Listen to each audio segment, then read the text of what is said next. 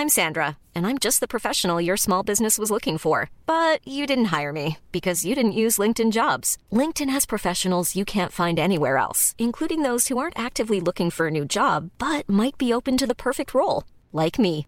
In a given month, over 70% of LinkedIn users don't visit other leading job sites. So if you're not looking on LinkedIn, you'll miss out on great candidates like Sandra. Start hiring professionals like a professional. Post your free job on linkedin.com/people today. Even on a budget, quality is non-negotiable. That's why Quince is the place to score high-end essentials at 50 to 80% less than similar brands. Get your hands on buttery soft cashmere sweaters from just 60 bucks, Italian leather jackets, and so much more. And the best part about Quince, they exclusively partner with factories committed to safe, ethical, and responsible manufacturing. Elevate your style without the elevated price tag with Quince. Go to quince.com slash upgrade for free shipping and 365-day returns.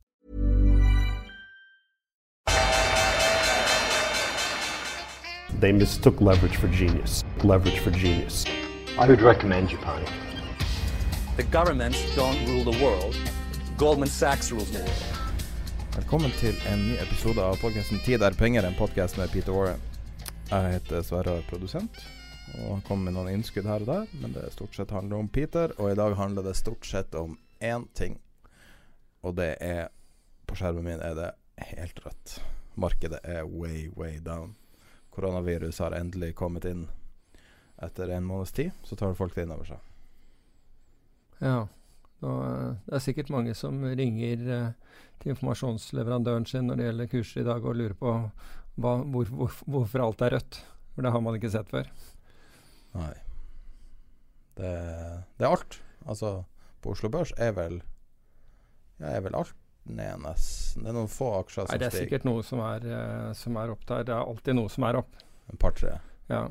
Og så har du Hvis du ser i verden, så har du Forholdet mellom aksjer opp og ned, det er, det er 185 aksjer i, øyeblikk- i skrivende stund ned, og 10 aksjer opp Ja. på Oslo Børs. Og så har du eh, aksjer i Nederland ned 4,83% er ned 4,81% Så har du tysk, tyske Dax er 3,6 Franske CAC 40 er 3,71 Britiske Futse 3,5 E-mini Futures i USA er 2,8 Australske aksjer falt 2,8 Store kjemper var jo Sleit jo der Eh, indiske aksjer er ned. Koran, eh, det er alt, alt er ned. Hvis til tross for at uh, Trump har beæret uh, inderne med sitt nærvær. Ja. Hva streker regninga? Og vi har jo Altså, kan jeg også si at denne podkasten starter vi litt tidligere med. Blir å redigere så fort som overhodet mulig og få den ut så fort som mulig, fordi det er mange som lurer på hva som skjer i markedet. Men hvis du vil følge markedet i real time, eh, og hva som skjer med informasjon, så har vi en eh, chat som eh, går på den eh, appen som heter Discord. Så hvis du går inn på Facebook-sida til Tid er penger, hvis du bare søker Tid er penger på Facebook, så finner du en av de øverste linkene er en link rett til chatten.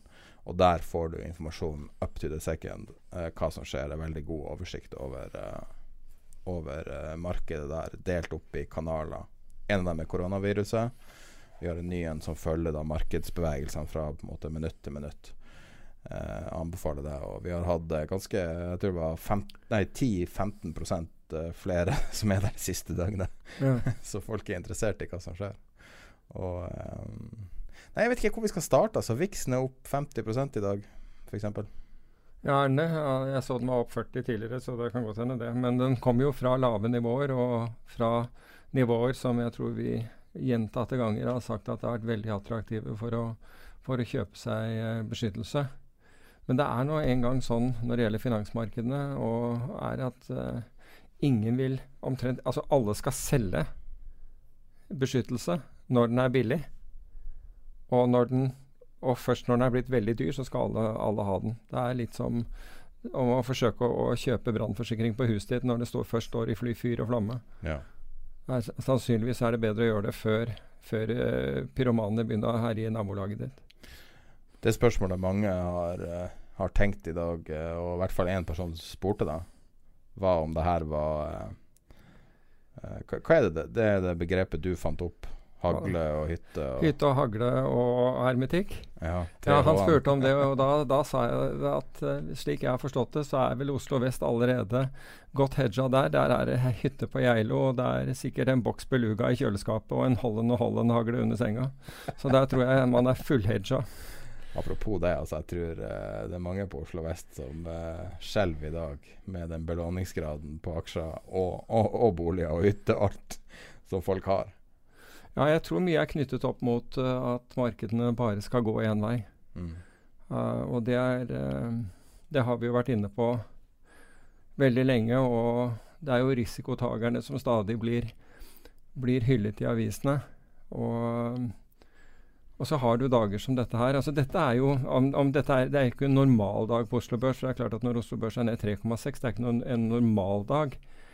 Men jeg, altså ta volatiliteten. altså har jo da øh, gått Hva blir det?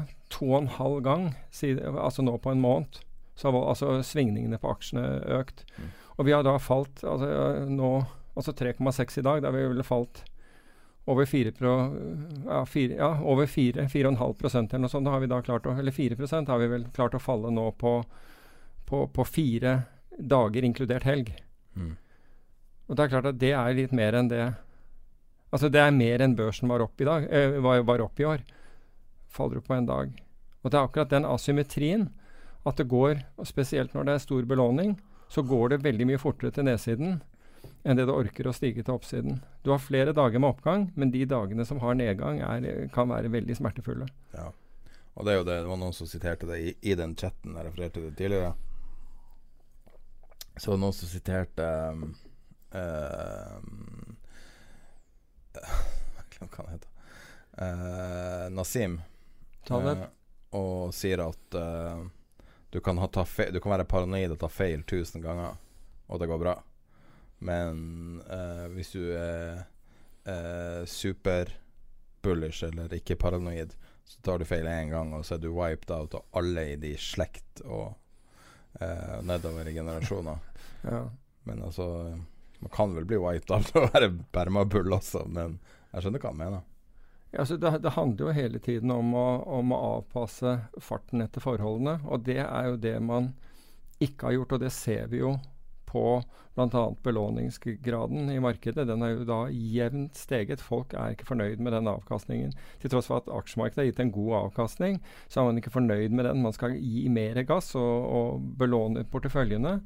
Og vi har jo også hatt eh, folk på, på Facebook-gruppen som har sagt ja, det er jo bare å sitte, bare se tilbake i historien. Det er jo bare å sitte rolig, det er aldri noe problem. Men problemet er når, når du har dager som dette her, og da er det ingen som Alle sier det er bare å kjøpe mer. Men du kan ikke kjøpe mer hvis du er fullinvestert. Med mindre du klarer å låne penger. Og på en dag som dette, hvis du går til banken din og sier du, jeg kunne godt tenke meg å, å, å låne eh, penger og kjøpe aksjer, så får du ikke lån. Du får lån, men hvis det var en dag hvor det var opp, så hadde du sannsynligvis kunne få lån på, å, å, til å kjøpe.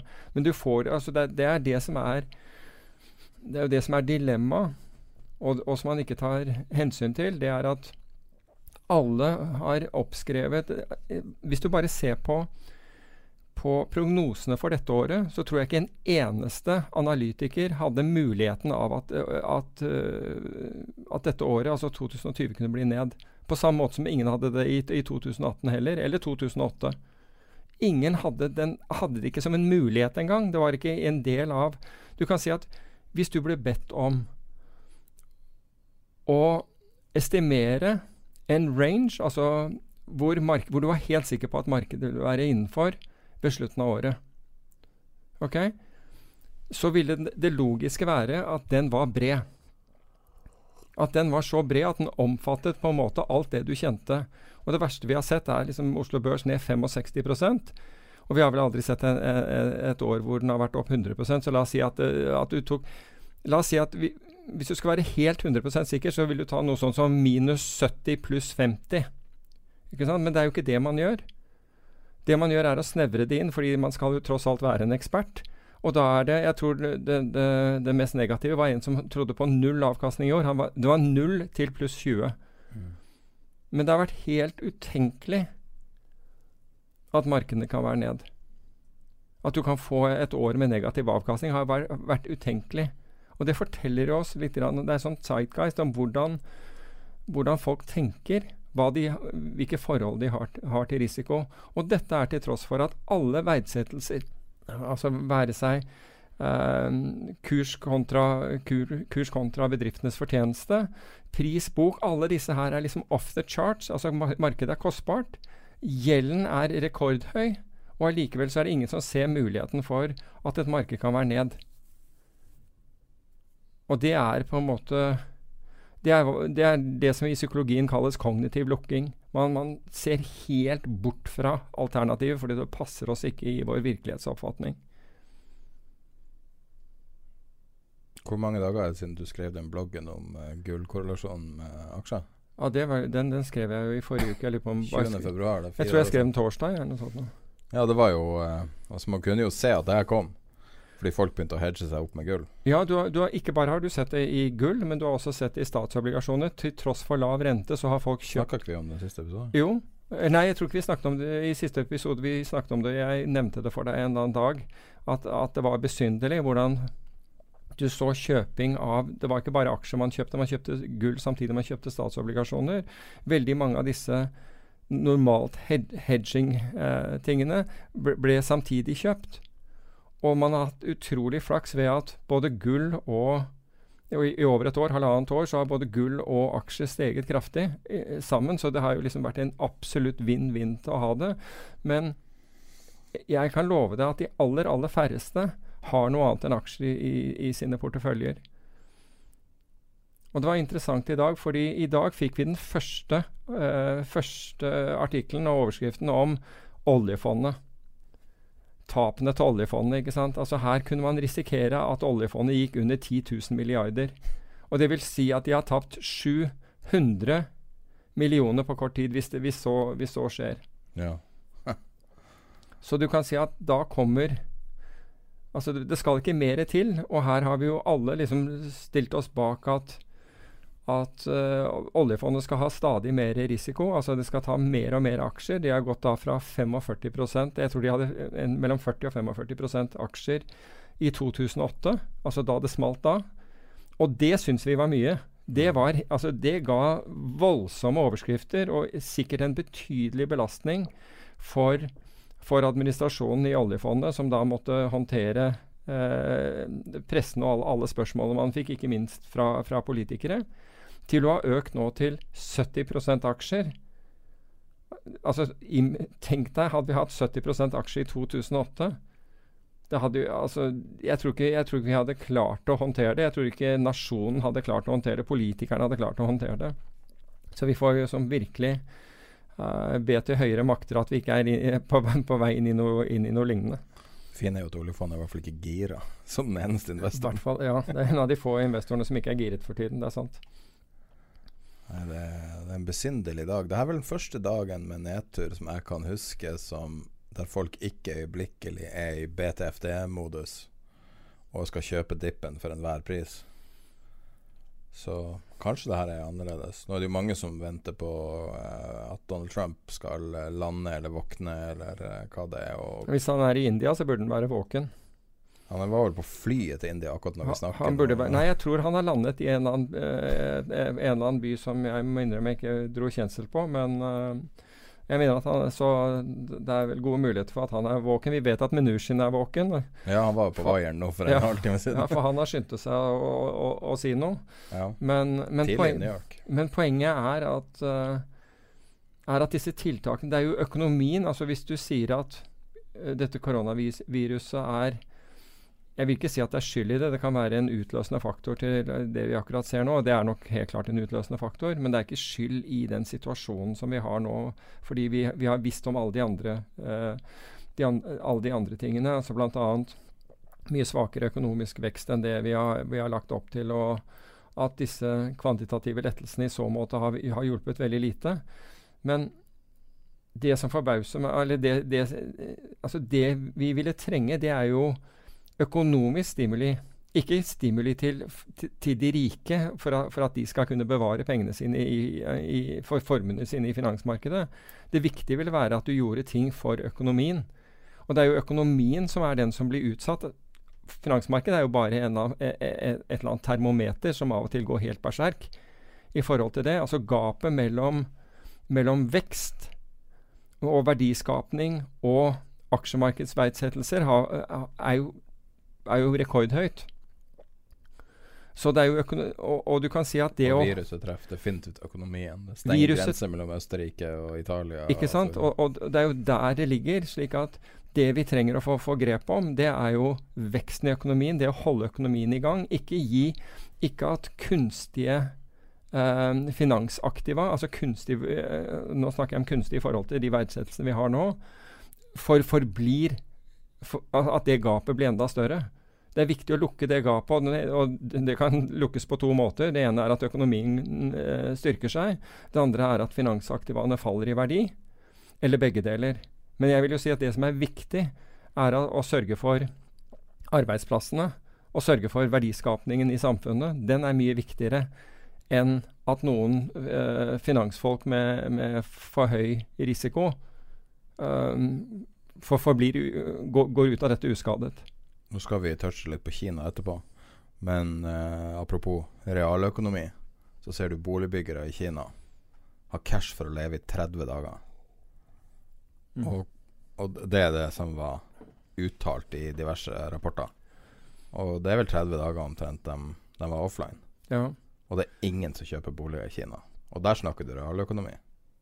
Men det er også interessant å se hvordan vi har vridd den diskursen fra og altså, i, i årtier nå har, har, man akseptert at Kina har vært motoren i verdensøkonomien, til å nå bare Nå snakker vi ikke om det lenger.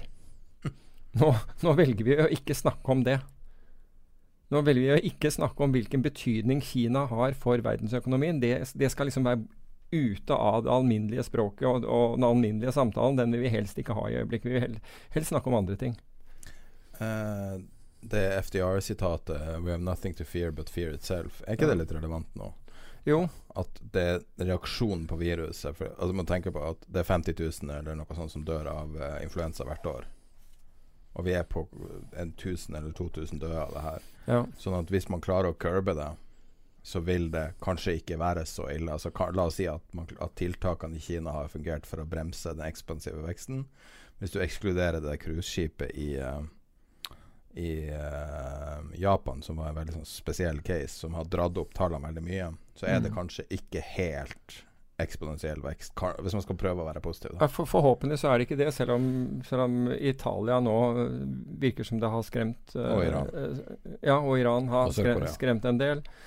Nå så jeg det var snakk om Kuwait også, så um, Men jeg, jeg, har jo veldig ofte sagt den der setningen, altså den FDR-setningen til meg selv. You got nothing to fear but fear itself. Altså sånn når jeg føler selv at jeg har hatt, uh, hatt uh, irrasjonell eller overdreven frykt, så jeg har brukt den som mantra selv, jeg, for å, for, for å roe meg ned. Det har, det har, ikke vært markedssituasjoner, men gjerne, gjerne jeg skulle hoppe fallskjerm og var ekstremt redd for å, for å gjøre det, mm. så måtte jeg jobbe fælt med meg selv. Og det er klart at det gjelder jo å få tak i seg selv.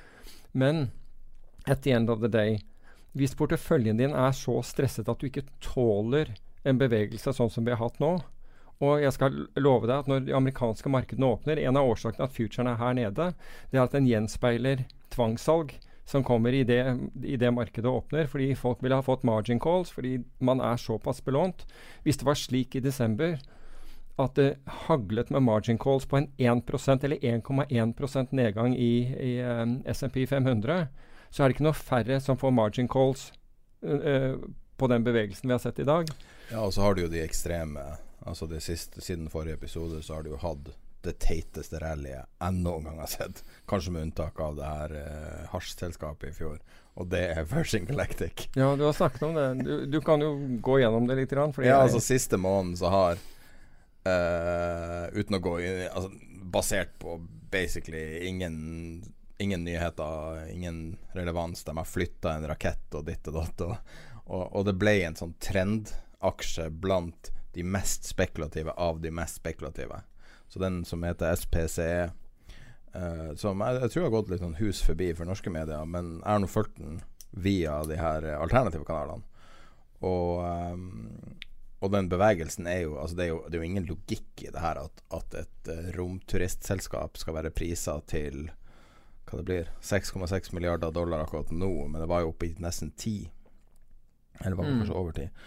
Og altså at det her skal være priser egentlig til noe som helst over null, for meg fremstår jo som helt idioti. Men altså um, De her mest idiotiske pitchene, sånn som Beyond Meat, som er priser til en milliard ganger inntjening Jeg vet ikke akkurat hva tallet er, men det er veldig, Mm. veldig høye multipler der. Um, det er jo litt sånn tegn på at hysterien har gått Har gått opp i eh, det høyeste giret, da. Du må tilbake til .com for å, for, å ha, for å oppleve lignende argumentasjon. Det må du. Og det er en, en ting som jeg har merka meg, er at uh, det er fora en som heter Wall Street Bet, som vi har referert til en del i podkasten, som er et, det som heter en subreddit. Som er da de folkene som syns det er artig å tape penger av en eller annen grunn. Mm. Det har vært mye snakk om det. De har fått mye seriøs oppmerksomhet de siste, måneden, siste to månedene, der Bloomberg, CNBC, eh, angivelig high frequency trading-operasjoner, har begynt å ta dem veldig på alvor, sånn som man har gjort Twitter en gang i tida. Mm. De har begynt å høste data. Så det er masse sånne små symptomer på at folk driver og hitter eh, Reddit for å prøve å skrape data. Fordi at det har vist seg å være eh, enten du kan inverse det, eller Mm. predictive. Mm. Eh, begge strategiene har Spesielt når sånn som SPC og, og Tesla. Eh, to ting som har vært kanskje Dette er min egen teori, det har jeg ikke lest noe på, men kanskje drevet av den her hyperspekulasjonen som er der. For det er en million mennesker der som sitter og kjøper uh, short-dated opsjoner uh, oppe i himmelen. Og går fra, fra 500 dollar til 22 000 dollar. Mm. Altså Det er jo helt Altså det, det skal jo ikke være mulig. Nei. Og det skjer igjen og igjen og igjen. Og igjen, og igjen, og igjen. Og så det er spørsmålet om den her eh, Om det er the tail wagging the dog til en viss grad. da. Det her er bare en helt sinnssyk teori. Men, men det at de har blitt tatt på alvor, det er jo en objektiv fakta. Ja. Men hvis du ser til f.eks. Altså hvis du skal se hvordan er markedet nå stilt, altså hva, hva, er, hva er forskjellen nå på markedet eh, kontra i 2008, da? Så er det jo én altså, Og dette er jo veldig mye takket være kvantitative lettelser som har da gjort at markedene har steget som Det ser mer ut som utviklingen, renteutviklingen eh, eller, eh, på en bankkonto enn et aksjemarked. Slik at belåningen er høyere. Market making er, er ikke til stede. Altså Du har jo det vi kaller likviditetsproviders, som er, som er high frequency tradere. Men hvis du fulgte med uh, SMP Futuren i dag, og for så vidt Eurostox også, så ser du i det øyeblikket uh, støttenivåer gir etter, og det er støttenivåer som har, har intradag støttenivåer, så er det ingenting til det, til det faller ned til et visst nivå. Altså det, Imellom der så blir du ikke kvitt noe. Det er, det er bare en rett strek. Det altså går så fort. Intradag gap. Ja, du har intradag gap. Altså du treffer selvfølgelig de ordrene som ligger der. De resting orders altså, som, som andre har lagt inn. Men det er, altså, ingen er interessert i å ta tak i det. Um, så, og så har vi heller ikke hatt så konsentrert por- porteføljer som vi har i dag, fordi myndighetene stort sett over hele verden har forsøkt å få alle til å gå og kjøpe aksjer. Aksjer og obligasjoner er det eneste de har, mm, har latt folk investere i, altså i tillegg til, til, til eiendom. Slik at vi er på en måte Markedene er mer sårbare. Og det eneste vi håper skal, på, skal skygge over den sårbarheten, er at myndighetene eh, kommer inn med enda flere tiltak. Ytterligere tiltak. Men jeg vil bare si at at the end of the day, det at vi får røska opp i, i ting, det gir oss et sunnere marked. Så markedet blir sunnere som følge av at vi blir påminnet at det er risiko. I 2016 Jeg var gravd opp en gammel Reuters-artikkel. 2016 sa eh, da, daværende sentralbanksjef eh, Jan Dielen at det var innenfor mandatet til den amerikanske sentralbanken å kjøpe aksjer direkte. Hva du tror de sitter og vurderer nå? Nei, altså, jeg, altså Det kan hende at de Jeg vet ikke om de gjør det, og om Altså Nå må vi sette oss på en måte inn i tank, tankene til sentralbanken. Men egentlig ikke bare sentralbanken, for det har vist seg da Og nå snakker vi om Federal Reserve, altså den amerikanske sentralbanken. For det har vist seg at den er lettpåvirkelig av presidenten. Det er første gang hvor, hvor, presidenten nærmest har overkjørt sentralbanksjefen, eller i hvert fall lagt så mye press på ham at han gjør som presidenten vil. Og det gjør at, at usikkerheten er stor. Og det kan jo hende Altså, er det noe behov fordi vi er noen prosent ned fra all time high? Er det noe behov for å da begynne å kjøpe aksjer? Jeg vil jo argumentere med at det er overhodet ikke. La nå, la nå for, altså la nå markedsmekanismen få lov å, å virke, i hvert fall lite grann, før man kommer inn og gjør noe. Men ved alle tidligere nedturer har jo det vært helt en given. Ja ja, ting går opp og ned. Men ja. de siste årene så har det virka som at ned eksisterer ikke i markedet, fordi at det her er barometeret på alt. Og du må alltid lykkes til enhver tid. Du kan ikke ha én neddag. Nei. Og det har jo da, gang, gang, og det har da gagnet i formuene, mens velstandsgapet har økt. Ja. Og velstandsgapet har økt enormt. Det er liksom helt rekordhøyt. Um, så, så, du kan si at skal man da bruke fellesskapets midler til å, til, for, for, at sentralbanken skal gå inn og kjøpe aksjer for å redde de som har eh, drevet med hinsides risikofylt spe spekulasjon, er det sentralbanken og samfunnets oppgave å gjøre? Jeg vil jo hevde nei. Altså Jeg bare snakker om det som er objektive realiteter, ikke hva som er riktig og galt. Nei, jeg, jeg, forstår det. Og du kan si at den japanske sentralbanken har jo gjort dette allerede gjennom å kjøpe ETF-er. Så har jo de kjøpt, uh, så har jo de støttet opp under. Og den europeiske sentralbanken har jo, gått, har jo, gått, så nære de har kunnet gjennom å kjøpe kredittobligasjoner. Og det er jo, den, det er jo hakket før aksjer. Så uh, Kom til å tenke på noe her. Er det fortsatt noen som har valutalån i Norge? Som har valutalån i Norge, ja, det, da gjør det i hvert fall vondt. Vi, det må være en spesielt ille Det det, altså det, er det svakeste nivået ever, ever, ever mot sveitsefrangen akkurat nå. Wow. Men jeg så Det har vært flere kommentarer om hvor svak eh, norske krone er, og at den skal gå og Den er rekordsvak. Og, men jeg så noen nevne at det var elleve eh, års lav for den australske dollaren, som også er en råvarevaluta, bare så det er sagt. Så det, vi er ikke alene om å, om, om å føle dette her. Men poenget er at, er at jeg håper at, altså, at, dette blir Hvis du kjøper dette markedet opp igjen med, med fellesskapets midler for raskt, så lærer markedet ingenting.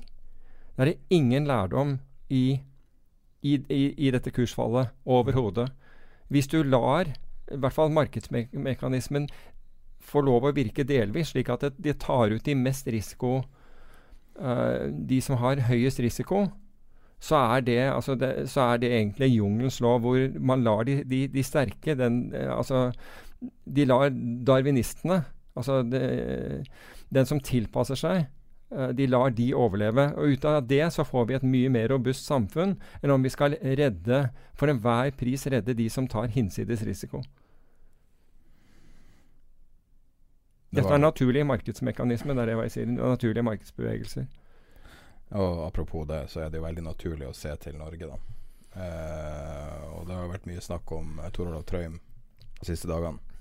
Nå, skriver, nå følger jo DN som en slags sånn uh, nekrologaktig dekning av hvordan han, hans personlige økonomi uh, foregår. Etter Finansavisen skrev før helga at han, uh, at han var blakk, eller i hvert fall at han, han sannsynligvis hadde bare på en måte boligverdier igjen i sin nettoformue. Og hvis han er ned 75 millioner i dag, så håper 57. han Ja, 57, mm. ja. Men det var vel ja, Jeg vet ikke om det var på, på 30, som er da siste til Bård Drilling. Så da håper jeg han har dyr bolig, altså, fordi at det kan ikke være så veldig mye igjen der. Nei, altså du, du, kan si at det som vi har sett med denne, denne oppgangen altså Vi har på en måte hatt tidenes bull market i, i aksjer. Og det til tross, og vi snakket om dette her bl.a. i fjor, hvor jeg nevnte to, hvor jeg hørte om to stykker i, i mitt nabolag som måtte selge husene sine fordi de hadde pga. aksjespekulasjon som hadde gått feil. Og jeg fortalte også, tror jeg det var, enten var i, ja, det var i forbindelse med sommeren, om en annen investor, kjent investor, som jeg ikke navnga. Kommer heller ikke til å gjøre det nå, som da også var helt nedpå. Det var en kar som hadde tjent mange hundre millioner kroner, som plutselig er, er helt i null. Um, og Da er det jo anledning til å spørre seg når man ser disse tingene, og man ser altså Ultveit Mo, som angivelig også skal ha i hvert fall likviditetsproblemer. og dette, altså I tidenes bull market så går så, så, får folk store problemer. Og da må vi jo spørre oss litt om hva er det som foregår. Er dette, er dette bull-markedet representativt for det som foregår i samfunnet, altså ellers i samfunnet? Eller er det bare at folk har ekstremt konsentrert risiko og tar veldig mye mer risiko enn man burde ta? Ja. Og uh, både Ultveit Moe og Treim er jo noen som, noen som folk tar som absolutt Altså man, man, gir dem Man bruker ord som smart og flink. Veldig, ja, ja. veldig vanlig å bruke det. Litt sånne ord som egentlig ikke betyr noe. Hvordan kvantifiserer du det i det hele tatt? Jeg vil jo si at spesielt Ultveit Moe står ut på meg som en sånn som en sånn absolutt figur. Ja, han står som eh, han, som, som Jeg bare, tenker på han som en industribygger. Ja. Og jeg, jeg vet faktisk ikke om han arva penger. Eh, han, han ikke det? Vet ikke. Vet ikke. Men eh, han virker jo å ha store likviditetsproblemer, basert på det som står i avisene. Og det er jo veldig overraskende at, at i det bullmarkedet så er det bare om å gjøre å bare trå litt feil. Og de har så kanskje vant til å trø veldig på gassen. Jeg vet ikke om det er det som er problemet? Eller? Nei, jeg vet heller ikke hva som er, eh, er storyen bak der, annet enn at jeg reagerte på samme måten som, som deg. Og, og, jeg tenker jo også at hvis, dette, hvis, det er så fantastisk det som foregår, det får vi jo inntrykk av når man hører om all time, uh, all time highs i marked etter marked, ja. så er det jo så, så, så, så, forteller det oss at, den, at det bildet ikke er så rosenrødt som vi tror. Men en annen ting med akkurat dette, og det er jo, det er jo at pressen er jo veldig flink til å hylle de som, de som har tjent mye penger. Og det man veldig ofte glemmer, og det, og det du ser, er at mange av dem har tatt betydelig risiko. Trøim er jo kjent for en fyr som tar. Virkelig. Han, han drar på med risiko. Han Tidligere har han kunnet gjøre det på, med, med, andres pengesekker, for han har jobbet for andre. Men dette er jo, dette er jo første gangen meg bekjent at han gjør dette her med egne Altså han har sikkert hatt egne investeringer, men nå er han jo helt Etter at han forlot Fredriksen-systemet, så er han jo på en måte on his own. Og Cirka 1,5 milliarder. Ja, og at han er en flink fyr, det er jo ingen tvil. Han har massevis av, av uh, av uh, industrielle og finansielle kontakter, men trykker gassen i bånn. Og det er jo litt det altså Når vi leser om folk som gjør det kjempebra på den måten, så tenker vi at jøss, det er, det er veldig fristende å tro at det er, det er, bare å ta risiko, så går det bra. Men det vi, det vi ikke forstår, er at vi er vi er prone to, hva heter vi er utsatt for noe som heter survivorship bias, ved at pressen trekker frem nettopp de som har gjort som gjør, altså som gjør det spektakulært, spektakulært bra. Men du ser ikke alle som prøvde å gjøre det samme, og som gikk til helvete. Mm. Hvor det ikke gikk bra for. Slik at det bildet vi ser Og, og, og så snur det jo selvfølgelig når man da går på og nevner si, for hver prosent disse selskapene som disse, i hvert fall de to er involvert i, går ned, hvor, hvilken effekt det har på økonomien deres, så, så, blir det jo liksom ganske tøft den andre veien også. Ja, Det er ikke lett å forhandle med bankene hvis det sitter sånne artikler og refresher på uh, skjermen til Nei, for, og det er fordi bankene blir, eh, blir, blir stort sett påvirket av av uh, den, den, offentlige debatten. Altså Det som foregår i media, påvirker, påvirker bankene. Påvirker styret i bankene, administrasjonen i bankene og, og, og andre. Um, så, de bli, så, det blir jo ekstra tungt i, i, i, sånne situasjoner. Men det som er tilfellet med, med, både Trøim og Ultveit Moe, det er jo at mye av det de gjør, er i børsnoterte aksjer. Og det betyr også at media kan se for hver eneste bevegelse som skjer. Mens hadde disse vært, hadde vært vesentlige eiendommer de satt i, så hadde du ikke sett det. For det er ingen daglig prisoppdatering på eiendommer. Så den transparensen som gis, gir et helt galt bilde. og vil Si at en som da er langt under vann, f.eks. i illikvide eiendommer, det vil ikke fremkomme. Er, altså, bankene vil ikke føle det samme presset. Det vil ikke komme opp hele tiden. 'Å, nå er det ned. Nå åpnet Borr ned 10 i dag.' Ikke sant? Nå er den eiendommen ja, ikke sant? Nå, nå, ja, ikke sant? Det er jo, og, og, dermed så er det så illusorisk. Altså du, du, får det, du, får det, beste av ting fordi du kan se verdsettelsene dine daglig, og det verste av ting nettopp fordi du ser verdsettelsene dine, dine daglig. Ja, for det er det børsen er price discovery, rett og slett. Børsen er price discovery, og, og dermed, og, du kan si at det er jo de som hevder at og det er at man overlever mye lettere på å sitte med ilikvide ting hvor man bare aner en verdi. og man, altså Det er først når du blir tvunget til å gå og hente inn estimater fra tre f.eks. Eh, takstmenn, at du, at du, får Og hva skal du gjøre da? Du kommer jo ikke ut til den prisen. Men så vi, vi får håpe at uh, for Trøims del at han enten er at bankene ser han som too big to fail, eller at han, uh, etter, eller, eller, at han klarer og eller at han klarer å, å dra den proverbiale kaninen opp av hatten nok en gang. Worst case scenario ville jo vært at hvis Jon Fredriksen kommer inn og plukker opp uh, smulene etter ham. Ja, tenker du for, for Trøym, eller? For Trøym, ja. ja mulig. Jeg, jeg, vet ikke. Gikk ut, uh, ut fra DN så, stod, så det ut som han ikke hadde tjent så mye. Jeg kan ikke forstå det, men han, han ikke satt igjen med så store verdier sånn lønnsmessig, men han hadde fått et, liksom et oppgjør, et skilsmisseoppgjør på slutten. Men nei, Finansavisen skrev det. Men det er jo de vet vel ikke alt som skjer. Ja, jeg aner ikke. Jeg, jeg aner ikke. Men, men, du kan si at vi, vi, vi, trenger jo på en måte Vi trenger jo sånne lederfigurer, sånn som folk ser opp til og, og har lyst til å være som. Uh, man, man, trenger det. Samtidig så, så Men det er jo skummelt når sånne folk som kanskje bare er crazy risikotakere, eller uh, Vi snakka om mani før vi starta episoden. Ja. Altså folk som er helt manisk, og, så, og så, så, slumper de til og gjør det bra, og så begynner folk å oppføre seg som dem. Altså, det finnes jo en, en, rekke sjefer nå som er i vinden, altså mm. av den Silicon Valley-typen som folk driver og emulerer. Så, altså, så, spørsmålet er jo om de lærer feil lærepenger av de her karene. Når du ser eh, altså det, det Kroneksempelet som mange trakk fram, var jo han Uber-sjefen, som var sånn break rules-type. Han er Kelnick. Eh, og veldig mange så Å ja, han ble en av verdens rikeste på å bare ikke følge noen regler fra første sekund og bare presse seg ut. Så fikk du masse andre selskaper som kopierte det. Og så så du jo at han fikk jo enorme problemer pga. den strategien. Den fungerte i liten skala, men med en gang du kom i seriøs størrelse, så hadde du et problem. Og så ser du jo at det er ingen som klarer å, å kopiere den suksessen egentlig av noe nevneverdig grad. I, I Oslo mm. så har vi de der eh, elektriske sparkesyklene som de driver og krangler med myndighetene. Og, og de driver, spør jo ikke om tillatelse, bare starter. Og det er jo litt den strategien til Uber, da, at du bare gønner på med mm. lånte mm. penger og investerte penger og en ikke-profitabel forretningsmodell. Så mm. Det er litt sånn skummelt det der når de tar de feile ærepengene. Så kanskje, kanskje Trøim var som Einar Aas og bare tok helt sånn hodeløs risiko hele veien, og så hadde han bare flaks. Du vet jo ikke. Man vet jo ikke detaljene.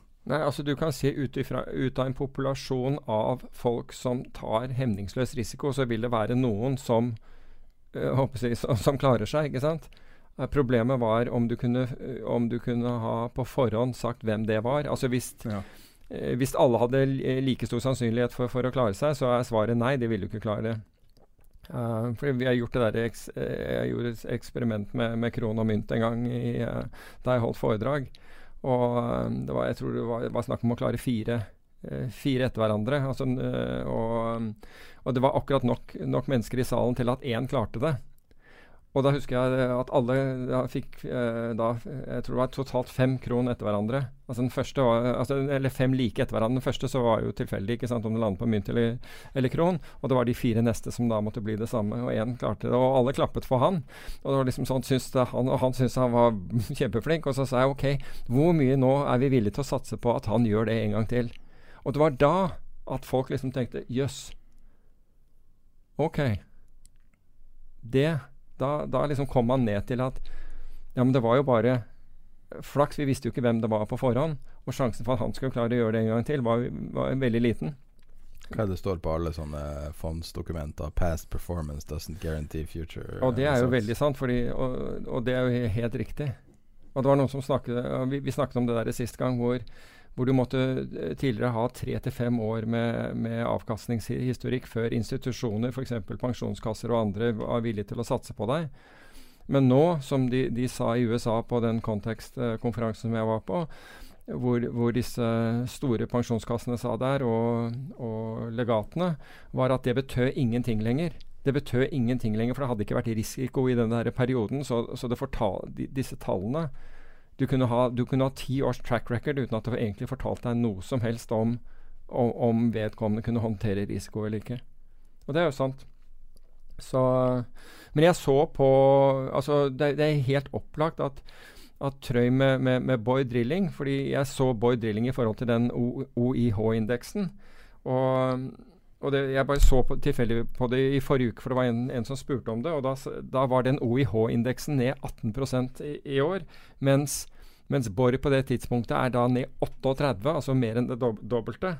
Um, og, og, og si, siden, siden Hein så tror jeg det var, var snakk om at uh, avviket var altså Borr hadde falt 1,9 ganger denne indeksen. Men det bare, det bare, reflekterer egentlig at han tar mer risiko enn den indeksen. Så er den indeksen ned, så vet du at, at, at Borr sannsynligvis er, er, det også. Så, men igjen, jeg håper at, han, at, uh, at det er en hvit kanin til i, i, i den hatten. Men da vil han jo kanskje ikke lære? Og da vil kanskje ja, ikke men, altså, ja, men det, det, det, er en mulighet. Jeg vet ikke om han har, uh, om han har følt det der gufset, det der kalde gufset så mye tidligere noen gang tidligere i livet enn det han gjør nå. Antageligvis ikke, siden, siden det nå er at han, det er hans sine penger, og for så vidt hans investorer sine penger vi, vi snakker om. Altså, Hvem er det som er største investor? I det vet jeg ikke. Jeg vet at Ubånd Partners var en av de som uh, var, var, store der. Mm. Men jeg aner Hei, så er det masse kjøpsanbefalinger på Ja. Jo, men du kan si at Seks kjøpsanbefalinger, ja. sju hold, ingen selv. ja. men, det, men, men, det tror jeg bare reflekt, Det reflekterer ikke noe annet. Altså Der, der er aksjen ned over 50% i år, og det, har vært kun kjøpsanbefalinger på, på, den. Det tror jeg representerer mer at uh, meglerhusene er interessert i corporate-oppdrag enn noe annet. Og det er helt fantastisk. Altså Når, når Finanstilsynet skal rydde opp i alt mulig når det gjelder uh, når, når, det gjelder uh, ob objektivitet, at, ikke, at, at, ikke det der uh, blir sett på, er liksom latterlig. Det er sin tidenes morgen. Altså. Kan de kalle det kinesiske murer, eller uh, det Ja, det er, det er, jo helt påfallende. Så, men hvis vi går tilbake igjen til markedene og hvordan de er altså Det er jo stadig som spør hvor langt faller Jeg aner ikke hvor langt det, det, det faller. Jeg kan komme et lyspunkt.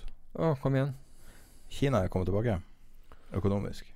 Ja, de, ja, har, de er jo ikke kommet tilbake økonomisk. De har, kommet, de har, de har begynt. Økonomien har våkna. Ja, riktig. Har, så jeg har ganske mange kontakter. Mm. Jeg, jeg, tar, um, jeg, har en del kontakter gjennom jobb uh, som har vært mer eller mindre radiostillhet, med mindre du sender dem SMS. Uh, jeg har bare vært lost hjemme inne i huset og får ikke lov å gå ut. Og, og over liksom, flere deler av Kina, da. Uh, så i, i dag kom alle tilbake til meg. Uh, og fikk beskjed om at, uh, at liksom du er mer eller mindre fullt kjør fra onsdag ca. Mm. Uh, så de anslår rundt 80 uh, kommer tilbake. vi har også trafikkdata fra TomTom, som, som mm. flere har begynt å følge. TomTom, den GPS-provideren. Så her ser du spesielt Shenzhen her, så her ser du grafen over trafikken. Så i, i dag klokka ni så hadde de faktisk 64 eh, av trafikken, eh, altså køtrafikken, er tilbake. Og det er, ser du på den grå, mm. blå der, det er tilbake på snittet. Så trafikken i, i Shenzhen, som er da verdens fabrikk, virker å være tilbake. Mm. Uh, og så har du i Beijing, så tror jeg det er enda bedre. Det er også da, det her er jo også separate data som ikke lar seg manipulere. Uh, Beijing har ca. 50% trafikken tilbake, og jeg tror Shanghai har Uh, har også en uh, god del av trafikken tilbake, som du ser her, nesten tilbake på standard. Mm. Veldig oppløftende at Shenzhen er tilbake. Så har jeg også skaffa meg kilder inn i Wuhan. Uh, jeg må si at det var ikke min idé, men jeg gjorde det sjøl og satte Tinder-profilen min til at jeg var i Wuhan. og begynte å matche med damer i Wuhan. og da fikk jeg i hvert fall to som jeg fikk kontakt med. Uh, den ene sa alt går bra, den andre sa det er helt jævlig. og ville ikke snakke så mye mer. det er ganske vanskelig å få uh, ufiltrert informasjon ut av Kina, men jeg lurer på om Tinder er en av dem. Så hvis du vil gjøre Men Kreativt. det med Kina er at du må sanke din egen informasjon hvis du skal vite hva som skjer. Så uh, jeg er interessert både av interesse og også forretningsmessig, så er det viktig for meg å vite hvordan Kina står til. Jeg har også en, en bekjent som har en virksomhet basert i Europa, jeg kan ikke spesifisere hva det er, som normalt har mye business Altså europeere kjøper normalt fra Kina. Og han fikk masse trafikk inn eh, på sin På jakt etter europeiske leverandører. Sånn at folk begynte da å bli nervøse. Men det kan være, se ut som at da kinesiske leverandører er oppe og stå i løpet av kort, kort tid. Mm. Sånn at eh, det skumle her, i mine øyne, er økonomien. Det at, at uh, Kina har vært så til de grader offline. For at altså OK, 1000 stykker er døde, eller 2000 stykker er døde. Det er jo tragisk for hver enkelt skjebne. Men hvis du snakker om hva det kan skje hvis økonomien bare freeze to a halt, hvor katastrofe det er, det er jo helt uforståelig. Mm. Og det er veldig mye mer enn 2000 som dør av det. Eller 50 000. Um, så eh, bare en, uh, min egen datainnsamling. Ja, veldig bra. Det er kreativt det, da. Å, å bruke både TomTom og jeg vet ikke Tinder, men uh, I'll take your word for it. Men hvorfor ikke? Altså hvis, den, hvis du mener at den, den kilden er uh, Eller de kildene du får der, er, er uh, Altså gir troverdig informasjon. Er mer tror- troverdig enn en, Det finnes jo tradere i USA som er blitt plutselig veldig obs i helga. Så jeg følger en del tradere på, på Twitter bare for å se på deres gestalt, eller hva man skal si. Mm. Og der ser du at de overagerer jo helt obviously. Og de har også da sannsynligvis en posisjon som tilsier at Jeg tror folk prater boken sin mer enn Ja. noe annet. Ja, nettopp. Og da så jeg en kar som delte det sykeste en, en Han har faktisk en ganske stor podkast. Han som vi har nevnt et par ganger før, som heter Caught the Raven. Mhm. Så, så delte han en video om eh, sånn eh, Hva det heter sånn eh, krematorie. Trillbare krematorie. Så var det en random kar som du ikke aner om en god dårlig kilde. Du vet ingenting. Han bare delte en video, en kar som hadde filma seg sjøl. Så kom det noe en estimat om at Kina hadde bestilt 40 000 mobile krematorier som, Wow. som skulle sendes rundt, og de kunne, kunne kremere 30 millioner mennesker om dagen. Så bare OK, Wow. ro litt ned her nå. Altså Greit at Kina trikser med tallene, men det må være grenser, altså. Mm. Så eh, Nei, men summen av Kina nå er at økonomien virker å ha våkna. Eh, mange kilder bekrefter det. Eh, og, og det er bra. Det er jo, men det er jo et paradoks da at den da, altså nettopp den dagen da er, da er børsene i Europa og flere steder i Asia den verste for året. Det er når de, når de kommer i gang. Ja, det er jo, går jo an å posisjonere seg. Altså Det her kan jo faktisk være en legitim årsak til å kjøpe Mm. dippen. Ja, det, det vet jeg ikke. Men folk lurer på da at hvor, hvor mye kan dette falle, noe vi ikke vet. Um, Men nå har jo også Men- Mongolia hatt reiseforbud. De stenger alle flyene til eh, Ulan Bator. Korea, eller hva det var. Jeg vet ikke Hvor mange fly kan det være fra Mongolia? Ett om dagen, eller noe? Ulan Bator. Ja, Det er jo eh, ja. eh, Det er jo som et sånn stillehavsøy stenger. altså Det er omtrent like relevant. Nettopp. Men, men poenget er at det, det fins jo altså fortsatt, så, selv om viksen har gått opp og opsjoner har blitt dyrere, så går det an å gjøre opsjonsstrategi. Altså Hvis du har behov, og det, det, når folk tar kontakt og du hører at liksom det er sånn desperat og Jeg spør liksom Altså Hvis du ikke tåler at dette faller lenger, hvis du ikke tåler det, så må du jo, forholde deg til det. Da må, må du da, altså, da må du enten redusere risikoen din betydelig, uh, eller du har egentlig ikke noe valg, fordi hvis det betyr at faller det 3 til og da ryker huset ditt, så er jo det en, noe du eh, ikke ønsker skal skje. Så du må på en måte forholde deg til risiko. Ja, du er sent ute, men du må jo forholde deg til det. Men det fins en rekke opsjonsstrategier, selv om opsjoner er blitt dyrere, som du kan bruke for å begrense risikoen din. Så det er ikke sånn at Men ja, det, det koster å begrense risiko, men du, du har jo tross alt sittet der og lukket øynene eh, til nå. Og en annen ting er at du antageligvis har hatt nytt, nytt den oppgangen frem til nå som du gir tilbake litt grann, eh, i, for å skaffe deg eh, forsikring. Så, er, så bør ikke det være det verste som har skjedd deg. Antageligvis verre å miste huset. Ja, det var jo tilbake til uh, sveitserfranger mot norske kroner. Uh, hvis det er noen som har sittet og tviholdt på det der, Ja. og dobla lånet Uff a meg. Det Det er vært sikkert noen som har gjort det. Det tviler jeg Altså det, det er alltid noen som holder ut hele veien og prøver å, ikke, å nekte å ta tap. Jeg hørte jo i fjor fra, fra en, en familie hvor eh, de hadde blitt anbefalt Altså de hadde lån i norske kroner og ble anbefalt av banken sin å heller bruke, eh, putte de lånet i sveitserfranc. Og så hadde dette begynt å tape penger, og så hadde de gått tilbake igjen. Og så hadde de eh, villet, eh, villet stoppe det tapet, og så hadde banken sagt nei, bare, de burde fortsette, dette var, dette var greit, de burde faktisk øke lånet. Så hadde de gjort det også. Og, de, og, nå, hadde, og nå kom banken og, og skulle ta huset. Og de hadde forsøkt da å, å, å, klage om dette her, men det, det, var ingen gehør for. Men jeg håper at de gjorde som Min anbefaling var at de gikk og, og snakket med, med enten Finanstilsynet eller forbrukermyndighetene. Sannsynligvis en lettere å gå til sistnevnte enn førstnevnte. Um, hvis, altså hvis de har dokumentasjon på at de har fått uh, en, altså en, blitt veiledet helt uh, på tvers av det de har uh, av, av det de har bedt om. Ironisk nok så er det jo Eller ikke ironisk, men det er jo kanskje det beste tidspunktet på veldig lang tid nettopp å inngå eh, valutalån i sveitserfranc. Skulle man tro. Og det vet vi ikke. Altså Greia er at vi vet jo ikke hva fremtiden bringer. Selvfølgelig så. ikke, men Basert får, på et historisk snitt, ja, vi, så er det ja, et veldig godt men, så hvis, hvis for, men du kan si at hva er det du får ut av det? Jo, det er jo minimal renteforskjell, så alt sant. du gjør er å spekulere på valutaen. Ja, det er sant. Nei, det er ikke den rentediffen en gang var. Ikke sant? Altså, nei, nettopp. Altså, du spekulerer rett og slett på, på, på kursforholdet mellom norske kroner og, og sveitserfranc. Og da bør du i tilfelle ha vite hva du gjør. Og i jeg. samme grad er jo yen også oppe i dag. Så. Absolutt. Så det er jo Jeg hadde litt inntrykk av at yen hadde mista litt statusen som Veldig. sikker havn. Veldig. Men uh, i dag så, så I dag kom den tilbake igjen, ja. Men uh, den har jo det. Den har jo uh, den har, Men det er også en sånn favoritt-carry-valuta, ikke sant? hvor man låner igjen og plasserer i risikable aktiva. Og Hvis du skal trøkke til i dag Og det kan godt hende at det at, at yen styrker seg i dag, Mm. Kan godt hende at folk altså, er nødt til å reversere de posisjonene. Ah. Så det kan være en konsekvens av det. Godt poeng. Jeg liker sånn analyse. Mm. Hvis ja, du skal trykke til i dag, ja. hva gjør du da? Hvis du skal Hvis du skal benytte denne muligheten Nå ser vi jo at ting, med unntak av Bård Rilling, som har uh, day low nå, uh, så ser det ut som ting begynner å komme tilbake fra bunnene. La oss si at det her var Husk på, nå ser vi, vi, vi altså, du kan vi ser ikke sekund. Bare, ja, men la oss bare si det. La oss bare si at, at uh, vi fikk et vanvittig skremselsskudd. Og så begynner det å roe seg ned, og så begynner man å pumpe inn og kue og alt mulig. Hva gjør man da? Altså, øh, og du mener at du vil ha risk on?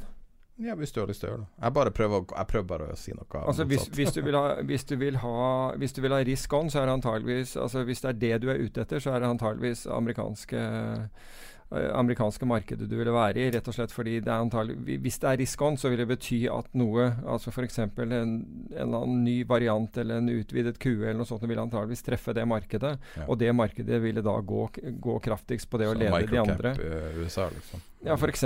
Du kan ta eh, mini SMP Futuren eller noe sånt. Det vil jo gå tvert på, på, på noe sånt nå. Altså hvis du virkelig ønsker uh, risk on. Um, jeg regner også med at uh, ting som kredittobligasjoner er blitt så, altså De som måtte selge i dag, uh, de har fått dårlige kurser. Altså. Så hvis du mener at dette her er bunn, så kan det være at du kan snappe opp ting, ting der. Men uh, det var interessant fordi jeg hørte i en annen forbindelse det var noen som hadde lyst til å starte et, et high yield-fond i Norge. Og ville gjerne gjøre det nå, for de mente at dette var gratis penger. Og det er med de smaleste spreddene, altså smaleste differansen mellom, uh, mellom, det du får betalt for å ta den risikoen, og statsobligasjoner. Du, altså, du har vel nesten aldri fått mindre betalt. Um, og jeg tenker hvis du kommer til markedet nå og, og altså, det, det, er så asymmetrisk risiko. altså Du vet hva du kan tjene på dette. her, Med andre ord den, den, uh, den yielden du får på disse obligasjonene. Mens nedsiden din vil være enorm, fordi det fins ikke likviditet i det markedet når det gir etter. Vi har snakket om det. Det, det, altså det er ikke på skjerm. Det er ikke noe kjøper- og selgekurs, altså det, eller kjøpekurs som du vil trenge hvis du skal selge. Hvis noen begynte å innløse disse fondene nå, så altså, Da gjelder det å være den første som innløser, for da bruker de fortsatt cashen for å betale deg ut. For i det mm. øyeblikket de skal begynne å, å, å selge på kjøpekurser som ikke eksisterer i markedet, da ser det ikke pent ut. Um, ja, det er jo det vi Jeg, jeg satt og tenkte på det i forrige uke, det når du snakka om å, at du råda folk til å legge ned obligasjonsfondene. Eh, at det var liksom en god nei, det, ja, det, nei, det var ikke jeg som ble Det var jo faktisk en, en, eh, en forvalter i Nordea som, som, kom med den, og det syns jeg var en fantastisk Men det er over et år siden, hvor han mente at Ja, det er god stund ja, Uh, og, og, det syns jeg var, var, på en måte spesielt fra noe som kommer fra bransjen og har egentlig interesse i at det opprettholdes. Så var jo det en ekstremt ærlig, klar uh, anbefaling av vedkommende. Hva du sier har å si om kronesvekkelsen, og er det her uh, Altså Vi har det som et si, separat tema. Jeg vet ikke om det er bare en del av det store bildet.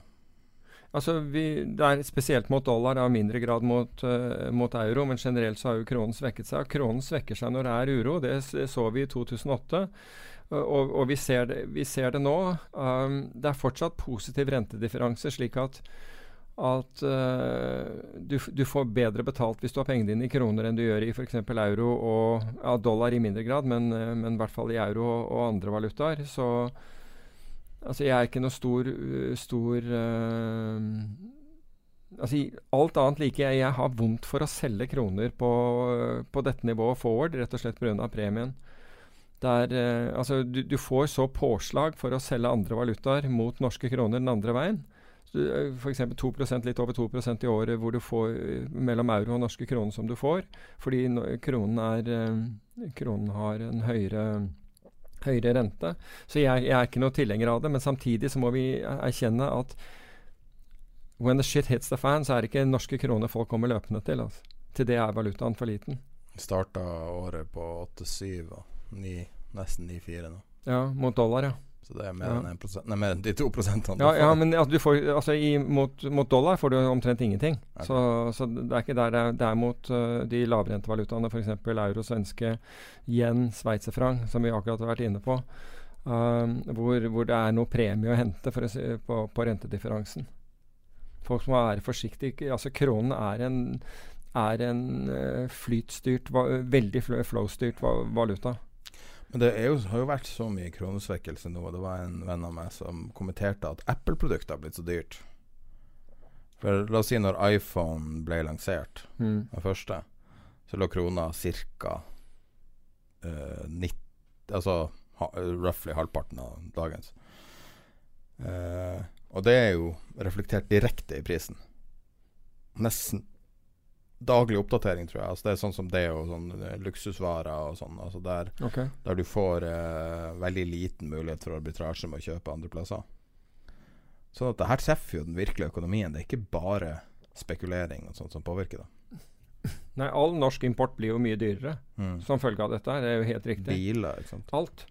Alt. Men noe altså Det er jo ikke alt som blir eh, automatisk overført til forbrukeren. Noen ganger så, så går det på marginene til, uh, ja, til importøren. er jo veldig ofte dem som De kjøper jo veldig ofte fra eurosonen. Og, mm. og, spiser jo mye av den fordi at det er så vanvittig konkurranse. Ja. Så, ja. Nei, det er ikke Det, det er utrolig stygt, den grafen. Nå dro jeg bare ut de uh, siste 20 årene med dollar-krone. og det er utrolig stygt, men uh, men, do, men det, det, skal sies er at dollaren har steget mot de aller fleste valutaer. Den har vært knallsterk.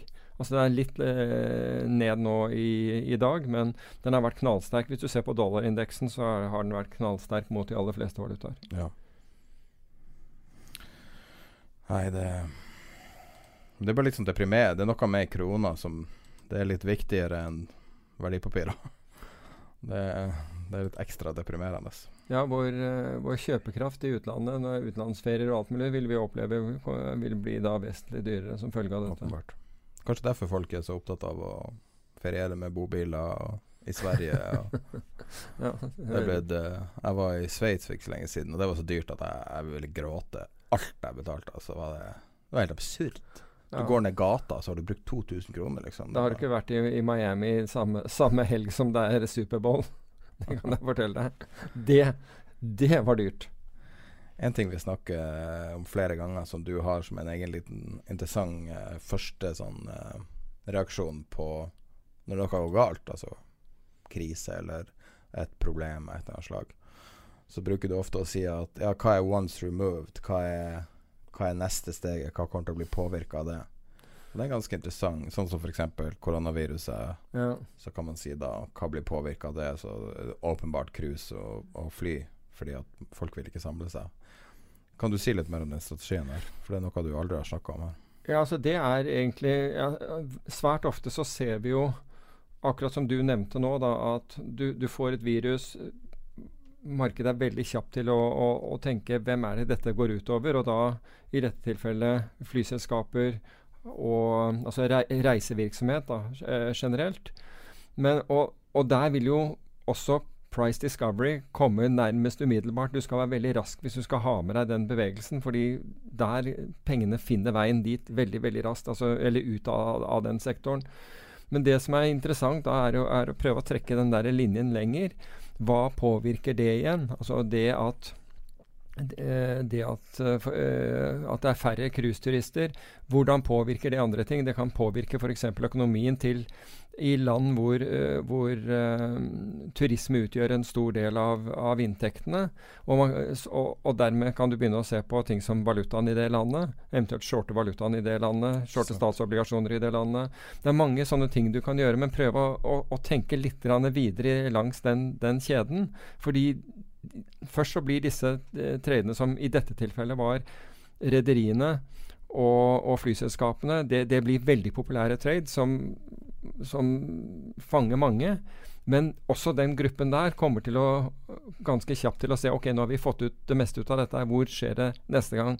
Så hvis du istedenfor å bruke for mye tid på hvor har det akkurat skjedd, begynner å tenke lenger og, og se hva er det neste som skjer, og der er det ofte at man kan finne ting, hvis man da studerer regnskaper og gjør andre ting, uh, som, som, er lite, lite fokusert, lite, uh, hvor det er veldig lite discovery, da, og hvor du kan være tidlig ute.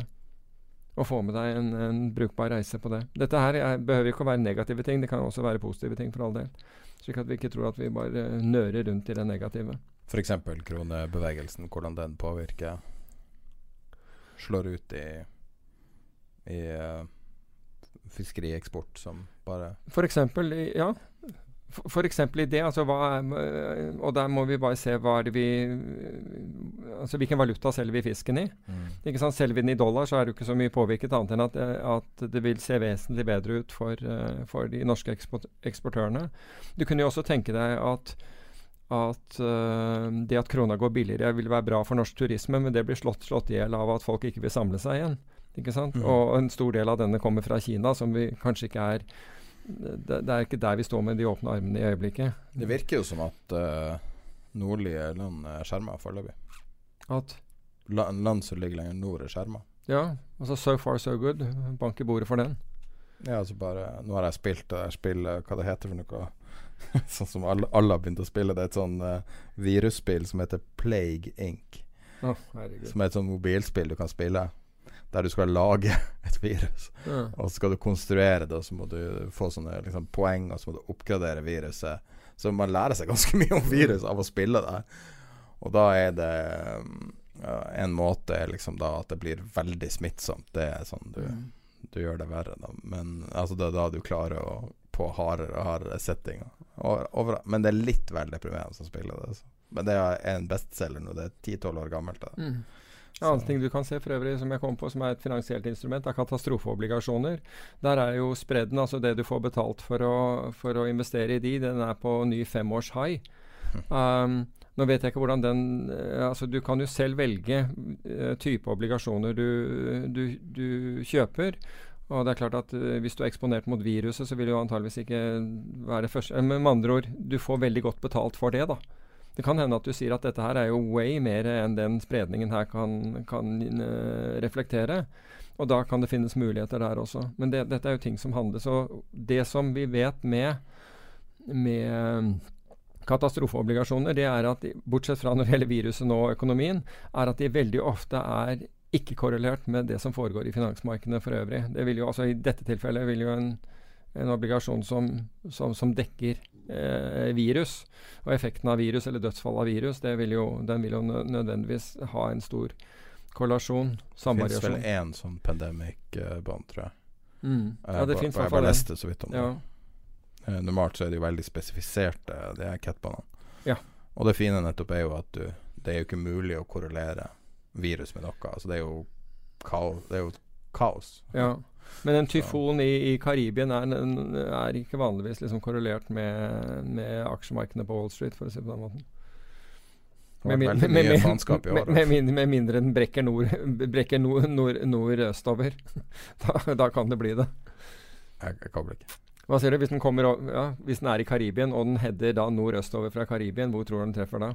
Ja, hvordan er det korrelert med Ja, Hvis den, den, dundrer innover New York, så tror jeg du kommer til å se en viss korrelasjon. hvis den skulle komme så Ja, men det har, vært, det har vært et sykt år, altså. Herregud, for en start på året. Etter forrige episode, når vi satt og bare snakka litt, så gikk du gjennom alt som hadde skjedd så lang tid. Det var vel januar, da. Ja. Eh, og, og det var ganske mange ting. Du hadde vel ei liste på sånn 25 helt ekstreme ting som hadde Ja. skjedd de første 30. Ja, det, er, eh, det, er, det er påfallende. Det, og vi, er, vi er ikke to måneder inn i året, Men det NRK skriver om, er Grand Prix-emojier. Uh, en idrett der utelukkende nordmenn tilsynelatende Ja. deltar i. og jeg vet ikke hva. Altså, jeg, vet ikke, jeg, jeg, jeg leser NRK eh, hver dag for nyheter, men det er påfallende eh, Det er påfallende eh, navlebeskuende. Altså. Ja, altså jeg hørte, jeg hørte faktisk på nyhetene da jeg var på vei over hit nå, og det var verken nevnt børs eller, eh, eller korona på den, for å si det på den måten. Ja. Nei, det, det er veldig mye snakk om uh, insignifikante ting når jeg tenker på at altså, Skiføre i Drangedal var vel kanskje Jeg vet ikke om det var toppsaken. Og så er det sånne furrier. Folk som kler seg ut som sånne kosedyr og sånn. Det skrives om. jeg syns det føles som det er viktigere ting som skjer, jeg vet ikke, men Ja. uh, uh, uansett. Uh, har du hørt om Wuhan 400, når vi er inne på alt det her? Bare så vidt. Bare så vidt. Jeg, jeg forstår at det var en bok. Ja. det var ei bok som var skrevet i 1981. Det er en sånn artig, artig tilfeldighet bare som jeg hadde lyst til å ta med. Hvis, det har heller ikke stått i norske aviser, stått i andre aviser. Eh, det var en kar som skrev en bok i 1981. Uh, nå husker jeg ikke navnet på boka, men skal vi se uh, Glemte jeg å notere. Jeg Bare søke på Vuan 400. Uh, så i 1981 så skrev han um, uh, The Eyes of Darkness. En kar som heter Dean Kuntz. Og da publiserte han uh, Da, sk det heter det vel eh, eh, Det hadde et russisk navn først. Og så, når, eh, i 1989, når uh, Når muren falt, så det Ga de ut en ny utgave av boka, og da heter viruset eh, Wuhan 400. Det omhandla et virus som skulle treffe eh, den vestlige verden i overgangen mellom 2019 og 2020. Den er publisert i 1981. overgangen mellom eh, 2019 til 2020. Den, eh, det eh, viruset var konstruert på en lab i Wuhan, Kina. Og det eh, påvirka eh, puste... Altså eh, lungene. Um, og det, det, den kom eh, Den ankom like mystisk og raskt som det forsvant igjen. Wow. Og så kom det tilbake en tid senere. Det var boka. Um, men det var interessant, bare masse, alle de tilfeldighetene. Og, altså Det er jo masse tilfeldigheter i verden. Og det var jo, noe, det var jo en bok som forutså uh, forut eh, Titanic ti år før. Mm. Der jeg skrev om basically hele forløpet av Titanic. Til og med båten i den fiktive boka heter Titan. Uh, så av og til er det tilfeldigheter, men uh, Det var jo en voldsom tilfeldighet. Altså Hva er oddsene for det, da? selv om Nei, det går vel an å regne det ut. Nå sa de jo at Wuhan var et sentrum kjent for virusforskning og alt sånt, så det, det var mulig å dedisere seg fram til Fram til det, men likevel, altså det, Mm. det er et sted jeg aldri har hørt om før i år, for å si det sånn. Hadde du hørt om Wuhan før? Nei. torsdag? Eh, nå er det jo Det skjer jo andre ting enn krise, elendighet og krakk. Ja. Så vi kan jo da ta et litt sånn uh, Trekke litt i bremsen og snakke litt om hedgefond.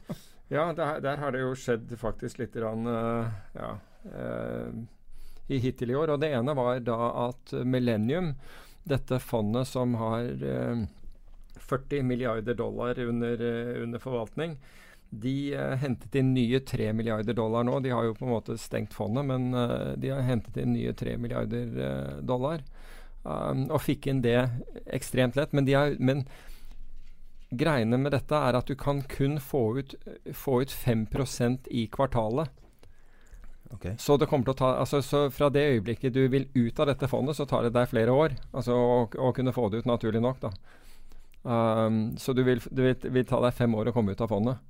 Men uh, de er Nå har jo Jeg tror avkastningen siden 1990, de startet i 1990, er på eh, annualiserte avkastning er på 13,7% med en svært lav volatilitet. Og det som er med Millennium, er at Hele Millennium består av Jeg tror de har ny rekord nå på antall, antall forvaltningsteam. Det er 230 forvaltere der i fondet. De har, eh, de har kontorer Ja. I, altså det, de sitter folk altså Hvis du mener at du, har, at du er flink, så kan du gå til Millennium um, og spørre om de er villige til å satse på deg. Og da blir du sittende i et av de dealingrommene til Millennium, enten i London, uh, i, um, i, New York eller jeg mener at de har også i Tokyo. Jeg husker ikke om det er i, i, i Singapore. Det er litt som, altså, litt som uh, oljefondet, altså med, med huber rundt omkring i, i, verden. Og Da blir du sittende der, og da f.eks., uh, som jeg kjenner igjen, en, en nordmann for øvrig som er, som er, i oljefondet nå, og var i oljefondet før millennium, uh, de handlet energi, long short energiaksjer. Og da sitter du og handler det, og så sitter gruppen ved siden av deg f.eks. Og, og handler valuta, og noen ved siden av der som handler noe helt annet osv. Så, videre. så de er hele millennium er diversifisert over et altså både aksjer, valuta, råvarer, den type ting. Og, øh, er de diversifisert over. Altså ulike grupper som gjør ulike ting. Men de har en helt rigorøs øh, risk management. Så hvis du, hvis du taper hvis du en måned er ned hvis du er ned 4% så kutter de eh, allokeringen til deg med 50% Så hvis du har fått 200 millioner dollar å, å, å forvalte, så vil den bli, hvis du taper 4% så vil den bli kuttet til 100 millioner. Uh, hvis du da taper ytterligere 4% 6% på totalen, så er du ute. Mm. Så det vil si at har du halvannen uh, Oslo Børsdag sånn som dette her, hvor du ikke var giret, så, så må, må, du finne på noe annet å gjøre. Og, men eh, altså de er da som sagt 13,7% annualisert avkastning siden 1990 med lav volatilitet. Det er et fantastisk resultat. Så, så, jeg skjønner at de fikk inn fire millioner. Uh, Two Sigma, som vi har snakket om, som er uh, de, de, skulle for øvrig Disse nye, nye, pengene som de skulle ha inn, skulle gå til kvantitative, altså matematiske strategier. Og I den forbindelse så har Two Sigma, som er en av de store kvantfondene der ute, akkurat hentet inn 288 millioner dollar til, eh, i ytterligere kapital. Fikk også dette med en gang. Så um, det har skjedd litt der, der ute. Um, apropos Apropos uh, Trøim som vi snakket om, og Bård. Der gikk jo det Titan Opportunity som vi snakket om. Mm. Uh, vi har snakket om det, det, norske fondet, som var en eks-Fredriksen-medarbeider, det også, som startet dette fondet, som var veldig konsentrert med aksjer som Trøim uh, Aksjer i selskaper som Trøim startet. Det hadde, det hadde jo en veldig bra altså De hadde jo kraftig fall i fjor. Og så hadde de en, eh, en, eh, en, en, kraftig oppgang i desember. Altså de endte ned på året. Da var de vel opp 10% bare i desember. Og jeg, da sa, sa, jeg at det derre i januar, bare vent til du ser januartallene. Og det får du ikke se, for de har lagt ned fondet pga. store tap. Så Det er ofte en deprimerende dag.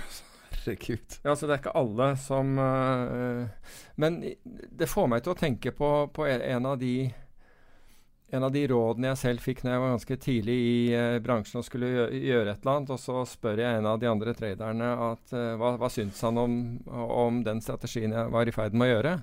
Og så sa han at that's not an investment, that's a career decision.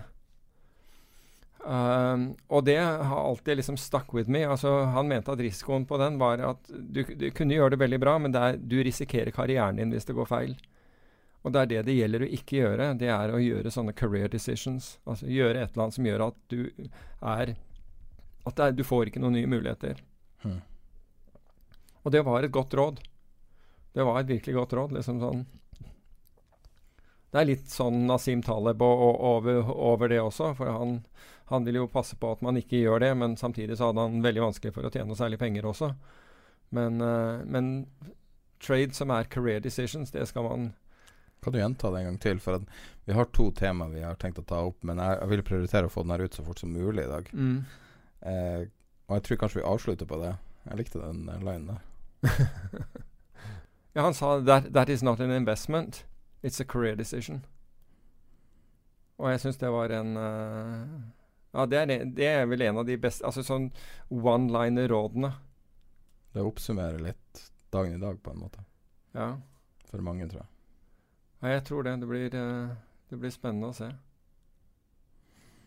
Så um, da skal vi prøve å få den her ut så fort som mulig, for jeg tror det er uvanlig stort behov etter å høre Peters sin uh, kommentering på det her. Uh, så da avslutter vi episode nummer Er det 72 eller 71? 71, tror jeg. 71, tror jeg.